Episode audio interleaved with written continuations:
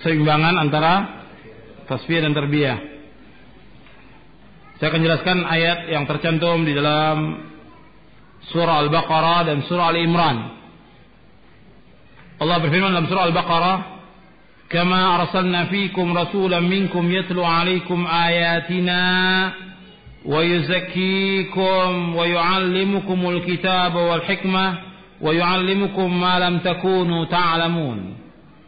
Sebagaimana kami mengutus kepada kamu seorang rasul di antara kamu yang membacakan kepada kamu ayat-ayat kami dan membersihkan kamu dan mengajarkan kepada kamu Al-Quran dan hikmah dan mengajarkan kepada kamu apa yang kamu tidak ketahui.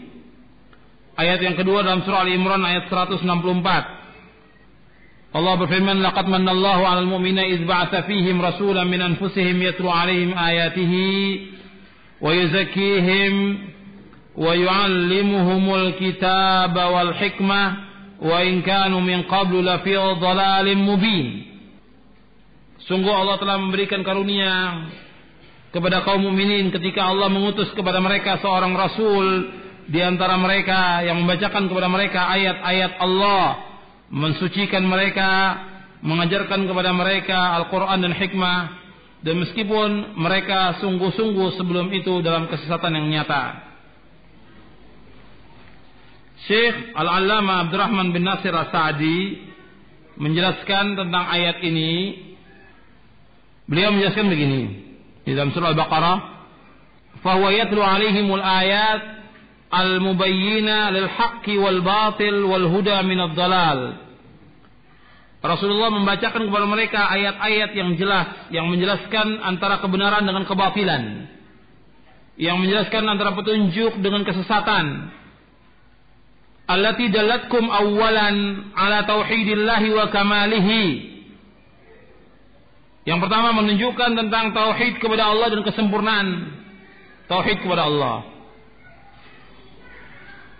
Thumma ala sidqi rasulih wa wujubil imani bihi.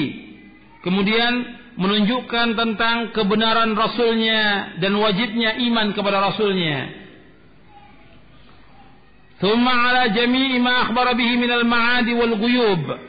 Kemudian membenarkan atau mengimani semua yang diberitakan oleh Rasulullah dari perkara-perkara tentang masalah yang gaib dan tentang hari kembali yaitu hari pembalasan. Hatta hasalakumul hidayatut tammah wal ilmu yaqini sehingga kalian memperoleh hidayah yang sempurna dan ilmu yang yakin. Jadi Rasulullah membacakan kepada umat ini ayat-ayat Al-Quran untuk membedakan antara yang hak dengan yang batil. Antara petunjuk dengan kesesatan. Yang menunjukkan tentang tauhid kepada Allah. Yang menunjukkan tentang kebenaran Rasulnya. Kewajiban iman kepadanya. Dan juga kepada wajib iman kepada semua yang diperintahkan, yang diberitakan oleh Rasulullah dari perkara-perkara yang gaib dan juga tentang masalah hari pembalasan. Sehingga kita mendapatkan hidayah yang sempurna dan ilmu yang yakin. Selanjutnya, wa yuzakihim dan membersihkan mereka, mensucikan mereka. Apa yang dimaksud dengan wa yuzakihim dijelaskan oleh Syekh Abdurrahman bin Nasir As-Sa'di rahimahullah.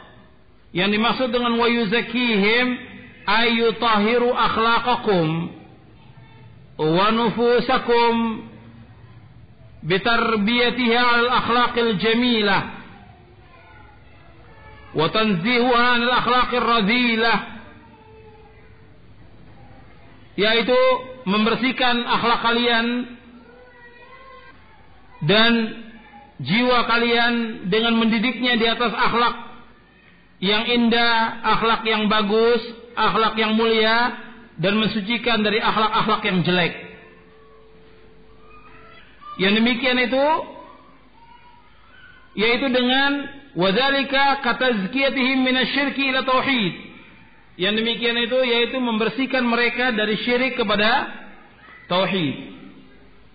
Jadi salaf itu mempunyai perhatian dalam masalah dakwah ini di samping tasfiyah wa tarbiyah kemudian juga mengajak umat ini kepada ikhlas, mengajak umat kepada ittiba, kemudian juga mengajak mereka kepada tazkiyah, tazkiyatun nufus, membersihkan hati. Tapi ketika berbicara tentang membersihkan hati ini pertama kali membersihkan hati itu dari berbagai macam bentuk kesyirikan. Jadi hati itu akan jadi baik kalau hati itu dibersihkan dari berbagai macam bentuk kesyirikan. Jadi hati itu dibersihkan dari berbagai macam bentuk kesyirikan. Ini yang pertama kali. Bukan dengan yang lainnya. Bukan dengan cara torekot-torekot sufia. Ya. Cara torekot-torekot sufia yang tidak benar. Jadi mereka berusaha membersihkan hati dengan cara-cara mereka dengan berbuat beda. Dengan berbuat beda, dengan zikir-zikir yang beda, kata mereka membersihkan hati tidak. Semua perbuatan beda itu akan mengotori hati dan tidak membersihkan hati. Saya ulangi, semua perbuatan bid'ah itu tidak akan membersihkan hati, tapi akan mengotori hati. Termasuk juga yang dilakukan oleh Aagim tentang manajemen kolbu itu tidak benar. Manajemen kolbu yang dia lakukan bukan sesuai dengan pemahaman salaf, tapi sesuai dengan pemahaman torekot sufia. Karena dia menganggap dirinya bahwa dia mendapatkan ilmu laduni. Dari ceramahnya dan dari bukunya dia sendiri mengatakan bahwa dia mendapatkan ilmu laduni. Dalam Islam tidak ada istilah ilmu laduni. Dalam Islam tidak ada ilmu laduni. Ilmu laduni itu bukan bukan dari Islam. Kalau dikatakan dinisbatkan kepada Khidir, ya Nabi Khidir dapat wahyu dari Allah. Antum dapat wahyu dari siapa? Karena Nabi Khidir dapat wahyu dari Allah SWT. Jadi kita harus cocokkan dengan dengan syar'i. Hati itu akan menjadi baik apabila hati ini dibersihkan dari berbagai macam bentuk kesyirikan. Syirik di sini yaitu menyekutukan Allah. Ketergantungan hati ini kepada selain Allah. Sebab yang dikatakan ibadah itu, yang dikatakan ibadah dijelaskan oleh Syekhul Islam dan juga oleh Imam Nuqayyim ghayatul hubbi ma'a ghayatul dhul. Jadi puncak kecintaan bersama puncak kerendahan dan ketundukan hanya kepada Allah, tidak kepada yang lainnya. Jadi puncak kecintaan dan ketundukan hanya kepada Allah SWT. Jadi orang dia mengharap kepada Allah, dia takut kepada Allah. Dia tawakal kepada Allah. Dia meminta kepada Allah. Dia bergantung kepada Allah. Ini hati ini harus diarahkan ke sana. Jangan bergantung kepada selain Allah yang jatuh nanti dia kepada perbuatan syirik. Jadi harus dibersihkan dari perbuatan-perbuatan syirik. Jadi Nabi itu pertama kali membersihkan ini. Saya ambil contoh Nabi sendiri disuruh oleh Allah apa? wasiyabaka fatahhir. Apa maksudnya wasiyabaka fatahhir? Artinya apa? Arti siap itu arti apa? Pakaian. Pakaian membersihkan arti asalnya. Tapi ketika ayat itu turun, sebagaimana dijelaskan oleh Al-Hafidh Mukathir dalam tafsirnya, yang dimaksud wasiyabaka fatahhir artinya fatahhir wa qalbaka fatahhir. Hatimu kamu bersihkan. Bersihkan dari apa? Dari berbagai macam bentuk kesyirikan. Kalau Nabi disuruh oleh Allah, apalagi umatnya. Itu yang pertama kali. Karena pada waktu itu sudah ada perintah sholat belum? Belum. Karena itu awal-awal ayat ya, surah Al-Mudathir yang turun. Belum ada perintah sholat. Tapi ayat itu tetap terpakai sampai sekarang. Ketika kita sholat harus kita membersihkan pakaian kita dari najis. Tapi ketika ayat ini turun, yang dimaksud apa? Bersihkan hati dari berbagai macam bentuk kesyirikan. Jadi Nabi sendiri disuruh demikian, apalagi yang lainnya. Jadi Nabi tugasnya itu membersihkan, membersihkan manusia, membersihkan akhlak manusia, membersihkan hati manusia. Yang pertama syirik harus dibersihkan. Yang kedua, jadi harus umat ini kembali kepada tauhid. Jadi kalau kita mau bicara soal hati, Islam itu tidak terbatas pada hati saja, tapi semua permasalahan. Kalau dia juga mau ingatkan tentang masalah hati ini, maka ingatkan umat ini dari bahaya syirik. Dan wajibnya mereka mentauhidkan Allah Subhanahu wa taala.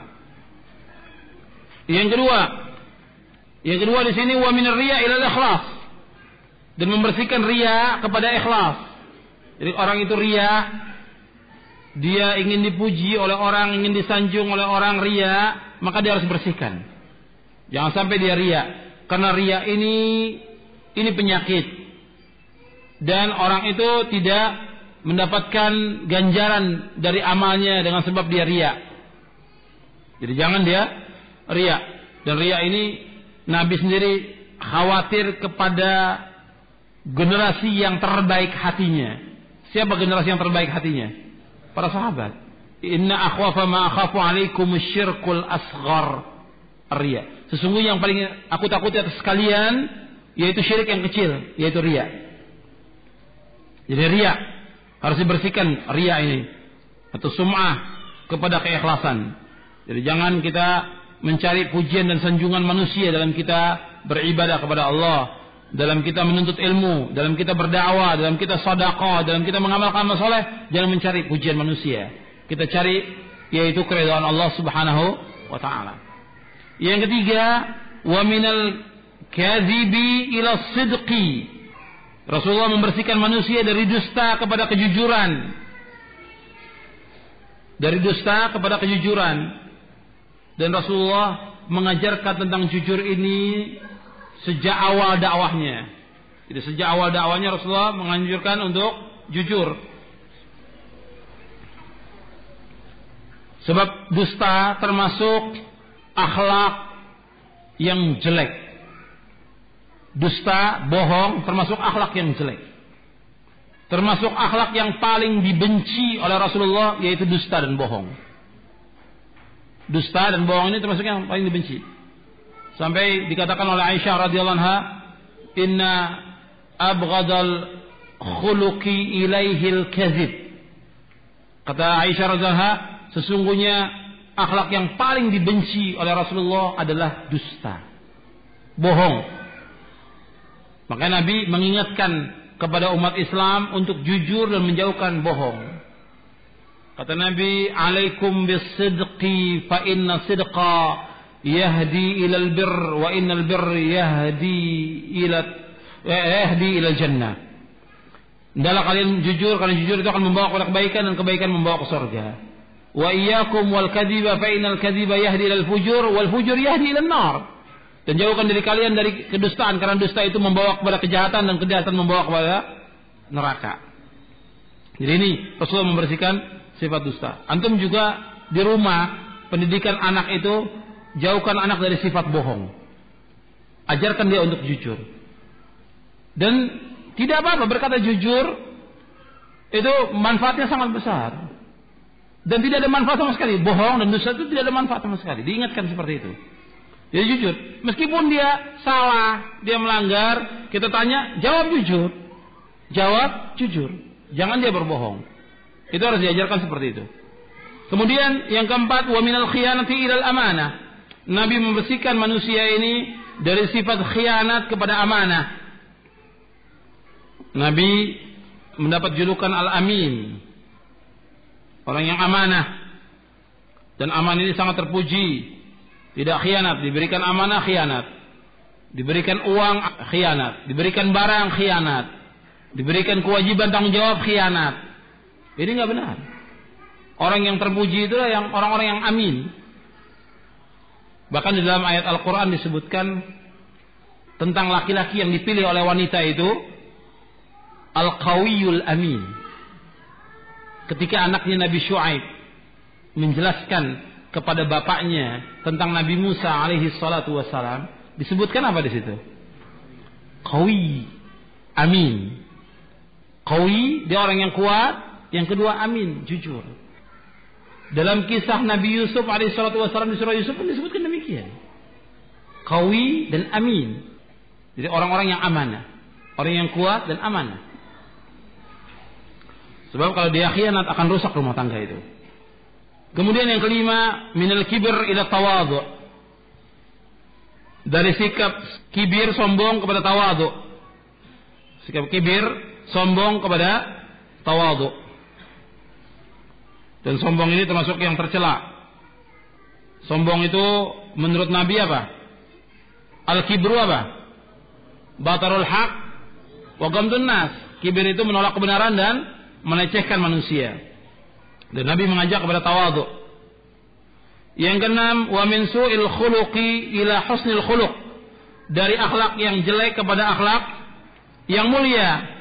Dan orang yang paling mulia adalah orang yang takwa kepada Allah dan orang yang sempurna imannya. Yang banyak masukkan manusia ke surga yaitu akhlak yang mulia dan takwa kepada Allah. Yang banyak memasukkan manusia ke surga yaitu akhlak yang mulia dan takwa. Kemudian kata Nabi, akmalul mu'minina imanan ahsanul khuluqa wa khiyarukum khiyarukum linisaihim. Orang mukmin yang paling sempurna imannya adalah yang paling baik akhlaknya. Kemudian orang yang terpilih di, di antara kalian, orang yang terpilih yang paling baik di antara kalian adalah orang yang paling baik kepada istri-istrinya. Hadis ini Hasan Sahih diriwayatkan oleh Imam Tirmizi. Jadi masalah akhlak ini penting. Akhlak yang mulia contoh tentang akhlak yang mulia seperti tadi. Ya dia jujur.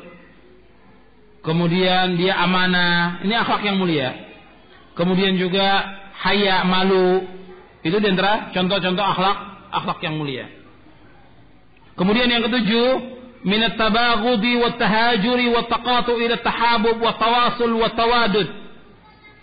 Dari saling membenci, saling menghajar, saling meninggalkan dan saling memutuskan kepada cinta mencintai. Menyambung silaturahmi dan sayang menyayangi.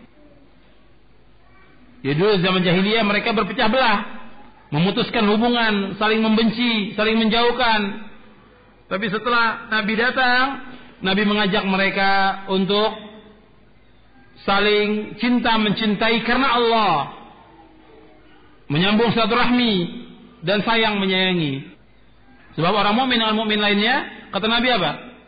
Masalul mu'minina fi tawaddihim wa tarahumihim wa ta'atufihim kama salil jasad idza ishtaka minhu wadun tada'a sairul jasad bis sahari wal humma. Dalam hadis yang diriwayatkan Bukhari Muslim, perumpamaan orang mukmin dengan mukmin lainnya seperti satu tubuh dalam cinta mencintai, sayang menyayangi dan saling menaruh simpati seperti satu tubuh. Satu anggotanya sakit, yang lain ikut ikut sakit. Ini tujuh poin yang disebutkan oleh Syekh Abdurrahman bin Nasir Al-Sa'di. Jadi tazkiyah, tazkiyah nufus ya seperti ini yang disebutkan oleh Syekh Abdurrahman bin Nasir Al-Sa'di. Kemudian selanjutnya Nabi yu'allimukumul kitaba. Nabi mengajarkan Al-Qur'an Ya ai Al-Quran al-fadhahu wa ma'anihi. Nabi mengajarkan Al-Quran, lafad-lafad dan makna-maknanya. Kemudian yang keempat, al-hikmah. Yang dimaksud dengan al-hikmah di sini yaitu apa? As-sunnah. Sebagaimana dijelaskan oleh Imam Ash-Syafi'i rahimahullah. Yang dimaksud dengan al-hikmah di sini yaitu as-sunnah. Ya, Nabi mengajarkan Al-Quran dan Nabi mengajarkan as-sunnah. Di sini ada tasfiyah dan di sini ada tarbiyah. Kemudian selanjutnya wa yu'allimukum ma lam takunu ta'lamun dan Nabi mengajarkan kepada kalian apa-apa yang kalian tidak ketahui. Li'annahum kanu qabla ba'thihi fi dhalalin mubin la ilma wa la amal. Dan Nabi mengajarkan kepada kalian apa yang kalian tidak ketahui. Sesungguhnya mereka sebelum diutusnya Nabi Muhammad SAW mereka dalam kesesatan yang nyata tidak punya ilmu dan tidak punya amal. Orang jahiliyah ketika Nabi Muhammad SAW datang mendawakan dakwah yang hak ini, mereka waktu itu tidak punya ilmu sama sekali. Dan mereka tidak mengamalkan amal-amal yang bermanfaat tidak ada yang mereka amalkan. Tapi dengan datangnya Nabi, maka mereka dapat ilmu dan dapat amal. Maka dijelaskan oleh Syekh Abdurrahman bin Nasir Sa'di, "Fakullu ilmin au amalin nalathu hadhihi al-ummatu fa'ala yadihi sallallahu alaihi wasallam wa bisababihi kana. Untuk perhatikan. Setiap ilmu atau amal yang diperoleh oleh umat Islam sekarang ini ini melalui tangannya Rasulullah sallallahu alaihi wasallam dan dengan sebab adanya beliau. Artinya sekarang kita bisa nuntut ilmu sekarang ini. Kita dapat petunjuk, dapat hidayah, kita bisa sholat, kita bisa puasa, kita bisa melaksanakan yang lainnya. Itu dengan sebab diutusnya siapa? Rasulullah SAW. Tadinya kita sesat dapat hidayah, tadinya kita gelap dapat cahaya. Dengan sebab diutusnya Rasulullah SAW. Makanya di dalam penjelasan Al Imam Ibnu Qayyim tentang masalah salawat, Rasulullah tidak meminta sesuatu kepada kita. Rasulullah minta kepada kita apa? Ittiba Itiba kepada Rasulullah, itu aja. Taat kepada Rasulullah. Kemudian kita disuruh mengucapkan salawat kepada Rasulullah Sallallahu Alaihi Wasallam. Salawat kepada Rasulullah. Kemudian dilanjutkan di sini. Fahadihi ni'amu hiya usulun ni'ami al-itlaq wa hiya akbaru ni'amin yan'amu biha ala ibadih. Dan nikmat-nikmat ini merupakan pokok-pokok nikmat secara mutlak dan merupakan nikmat yang paling besar yang Allah berikan kepada hamba-hambanya. Nikmat apa yang paling besar? Nikmat ilmu dan nikmat iman yang Allah berikan kepada kita. Dan kita bisa beramal ini, ini nikmat yang paling besar. Makanya ketika orang mengajarkan sesuatu kepada kita tentang ilmu, tentang sunnah, ini wajib kita syukuri nikmat ini. Alhamdulillah ada orang yang mengajarkan kepada kita ilmu. Ada yang mengajarkan kepada kita sunnah. Alhamdulillah kita bersyukur kepada Allah SWT. Dan ini nikmat yang paling besar. Kalau antum bandingkan ya. Bandingkan orang memberikan uang kepada kita uang satu juta. Dengan orang yang mengajarkan ilmu. Lebih utama orang yang mengajarkan ilmu. Uang satu juta itu dalam beberapa hari atau beberapa kan habis sudah. Tapi ilmu tetap bermanfaat seumur hidupnya. Bermanfaat buat dia, dia mendapatkan ganjaran, dia bisa mengajarkan istrinya, dia bisa mengajarkan anaknya, dia bisa mengajarkan orang lain, dan mereka bisa melaksanakan ilmu itu. Setiap dia mengamalkan dapat ganjaran. Kalau tadi uang hanya satu juta, sebatas itu habis sudah. Tapi kalau ilmu terus, sampai orang itu meninggal pun mendapatkan manfaat. Ketika anak ada meninggal, semua amalnya putus kecuali apa? Sedekatin jariyah atau ilmin yuntafa'u bi aw waladin saleh yad'ulah. Ya, saya pikir cukup sampai di sini kajian kita dan daurah eh, yang saya isi. Mudah-mudahan apa yang saya sampaikan ini bermanfaat dan dapat kita amalkan dan juga kita dakwahkan dan yang saya sampaikan ini ya hanya sedikit ya dari yang saya sampaikan dari taswir dan terbiah ini baru sebagian kecil. Karena itu kita terus berusaha untuk belajar lagi, kita mengkaji lagi, kita menimba ilmu lagi dan tidak boleh kita berhenti dalam talabul ilmi. Jadi saya ingatkan kepada antum bahwa belajar ini harus terus, tidak boleh berhenti. Antum mesti berusaha untuk meluangkan waktu untuk belajar dan juga meluangkan waktu untuk datang ke para ustadz. Kemudian juga kita meluangkan waktu untuk membaca. Ini terus tidak boleh berhenti.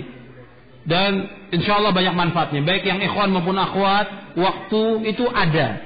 Jangan kita buang waktu dengan yang sia-sia. Banyak sekali kalau kita kembali ya sekarang ini, sekarang keberadaan kita, kita kembali setahun aja yang lalu. Belum lagi kembali 10 tahun yang lalu, setahun saja setahun aja kita kembali, itu kita akan tahu banyak sekali kewajiban-kewajiban yang kita lalaikan. Dari setahun aja kita kembali, ya sekarang 1424 Hijriah. Kita kembali kepada 1423 Hijriah. Berapa banyak waktu yang kita buang sia-sia. Kalau satu hari aja kita hitung waktu yang kita buang dua jam atau tiga jam, dalam sebulan sudah berapa jam? Dalam setahun sudah berapa jam? Kalau seandainya dari berapa jam yang kita buang waktu itu, kita manfaatkan, mungkin sudah banyak kitab yang sudah kita tamatkan. Mungkin sudah banyak kitab yang kita selesaikan. Mungkin sudah banyak juga dari buku-buku para ulama yang kita baca. Banyak waktu. Jadi ini kita kembali. Ini adalah masalah waktu aja. Belum lagi dengan kewajiban-kewajiban yang kita lalaikan. Belum lagi dari yang sunnah-sunnah yang kita lalaikan. Dan waktu itu ada dan kita mampu. Jadi tinggal antum berusaha untuk memanfaatkan waktu. Makanya saya ingatkan dalam kesempatan ini yang pertama yang perlu saya ingatkan, yang pertama, ya, antum saya ingatkan untuk diri saya dan untuk antum untuk selalu bertakwa kepada Allah Subhanahu wa taala. Sebagaimana sabda Rasulullah, "Ittaqillaha haitsu ma kunta." Bertakwalah kepada Allah di mana kalian berada. Yang kedua, yang saya ingat kepada antum, manfaatkan waktu. Jangan sampai ada waktu yang terbuang. Tinggalkan yang tidak bermanfaat. Membantu baca buku-buku yang tidak ada manfaatnya, baca koran yang tidak ada manfaatnya, tinggalkan. Nonton dan segala macam permainan yang tidak ada manfaatnya, tinggalkan. Kita nanti akan menyesal nanti, nggak sekarang antum menyesal. Nanti setelah antum setahun itu akan menyesal. Coba dulu kalau saya manfaatkan waktu, banyak ilmu yang saya dapat. Dan ingat sabda Nabi, min husni islamil mar'i tarkuhu kebaikan Islam seorang meninggalkan yang tidak bermanfaat. Kemudian Nabi juga menjelaskan bahwa di antara pertanyaan yang akan ditanya oleh Allah pada hari kiamat nanti empat pertanyaan yang akan ditanya oleh Allah. Yang pertama, wa'an umrihi fima afna. Tentang umurnya dihabiskan untuk apa umur itu? Tentang waktu kita. Jangan kita buang waktu kita untuk yang sia-sia. Rugi kita. Jangan kita buang waktu kita dengan perbuatan yang sia-sia dengan yang tidak ada bermanfaatnya. Dan banyak orang tertipu dengan dua nikmat ini. Kata Nabi, ni'matani maghbunun fihima kathiru minan nas as-sihhatu wal faraq. Banyak kata Nabi ada dua nikmat yang banyak manusia tertipu dengan dua nikmat itu. Yang pertama waktu sehat, yang kedua luang. Hadis ini sahih riwayat Bukhari. Jadi jangan antum sia-siakan. Jadi manfaatkan waktu ini dengan sebaik-baiknya. Sebagaimana sabda Rasulullah kepada Abdullah bin Umar, "Kun fid dunya ka'annaka gharibun aw sabirin." Wa qala Ibn Umar, "Idza amsayta fala tantazir sabah." وإذا أصبحت فلا تنتظر المساء وخذ من صحتك لمرضك ومن حياتك لموتك رواه البخاري kata Nabi hendaklah kamu jadi dunia ini seperti orang asing atau orang yang dalam perjalanan ini sabda Nabi kemudian kata Ibnu Umar apabila engkau berada pada waktu sore jangan tunggu waktu pagi kalau berada pada waktu pagi jangan tunggu waktu sore gunakan waktu sehat sebelum datang waktu sakit Gunakan hidupmu sebelum datang kamu mati, sebelum datang mati. Manfaatkan waktu ini. Ini di antara berkahnya para ulama. Kalau anda lihat, barokahnya para ulama, mereka waktu itu sangat berharga. Tidak seperti kita, santai, ngobrol, jalan, bermain dan segala macam. Habis waktu untuk itu. Bukan berarti tidak boleh. Boleh ada waktu-waktu yang kita atur, tapi jangan habis waktu untuk itu. Anda lihat satu hari bisa sampai lima jam kita buang-buang waktu. Sampai 6 jam buang waktu. Rugi kita. Allah mengatakan, "Wal asri innal insana lafi khusrin illa alladziina wa amilus salihati wa tawassaw bil haqq wa tawassaw bis sabr." Perhatikanlah waktu. Sesungguhnya manusia sungguh-sungguh dalam kerugian. Kecuali orang-orang yang beriman beramal soleh dan saling berwasiat dengan kebenaran dan saling berwasiat dengan kesabaran. Kemudian yang ketiga, yang ketiga yang perlu saya ingatkan kepada antum, yaitu tentang dakwah kita ini. Dakwah salaf ini, antum harus berusaha dari dakwah ini untuk berkembang. Apa yang bisa kita lakukan? Apa sih andil kita dalam dakwah ini? Lalu ada juga orang-orang yang merusak dakwah ini. Dengan mengatasnamakan salaf tapi mereka merusak dakwah ini. Tapi kita berusaha untuk membersihkan. Sudah, biarkan mereka tapi kita sekarang banyak orang yang ingin mendengar dakwah ini. Jutaan orang yang ingin mendengarkan dakwah ini. Apa andil yang antum punya? untuk mendakwahkan dakwah ini. Pertama antum kepada keluarga. Kalau kita bisa mengikuti manhaj salaf, kita bisa mengikuti pemahaman salaf, kita alhamdulillah dikasih hidayah oleh Allah di atas sunnah, kenapa orang tua kita nggak bisa? Kenapa istri kita nggak bisa? Kenapa anak kita nggak bisa? Kenapa kakak kita nggak bisa? Kenapa paman kita nggak bisa? Kalau kita bisa diberikan hidayah oleh Allah, kita berusaha bagaimana supaya orang tua kita mengikuti manhaj yang hak ini. Begitu juga istri kita mengikuti manhaj yang hak ini. Begitu juga paman kita. Karena kita ingin masuk surga dan selamat, begitu juga keluarga kita ingin selamat dan masuk surga. Seperti kita. Nah, kita dakwakan dengan cara yang lemah lembut. Bagaimana supaya mereka bisa ikut dakwah ini? Jadi apa yang bisa kita bantu buat dakwah ini? Ya kita nggak punya apa-apa, ya dengan ilmu yang kita dapat ini. Jangan merusak dakwah, tapi membantu dakwah ini dan punya pengaruh. Kalau orang ahlul bidah, mereka bisa mendakwakan. Ahlul bidah punya pengaruh di masyarakat. Anda bisa ahlul maksiat. Bisa berpengaruh di masyarakat. Kenapa kita yang sunnah tidak bisa? Kalau antum di rumah harus bisa mempengaruhi keluarga di rumah.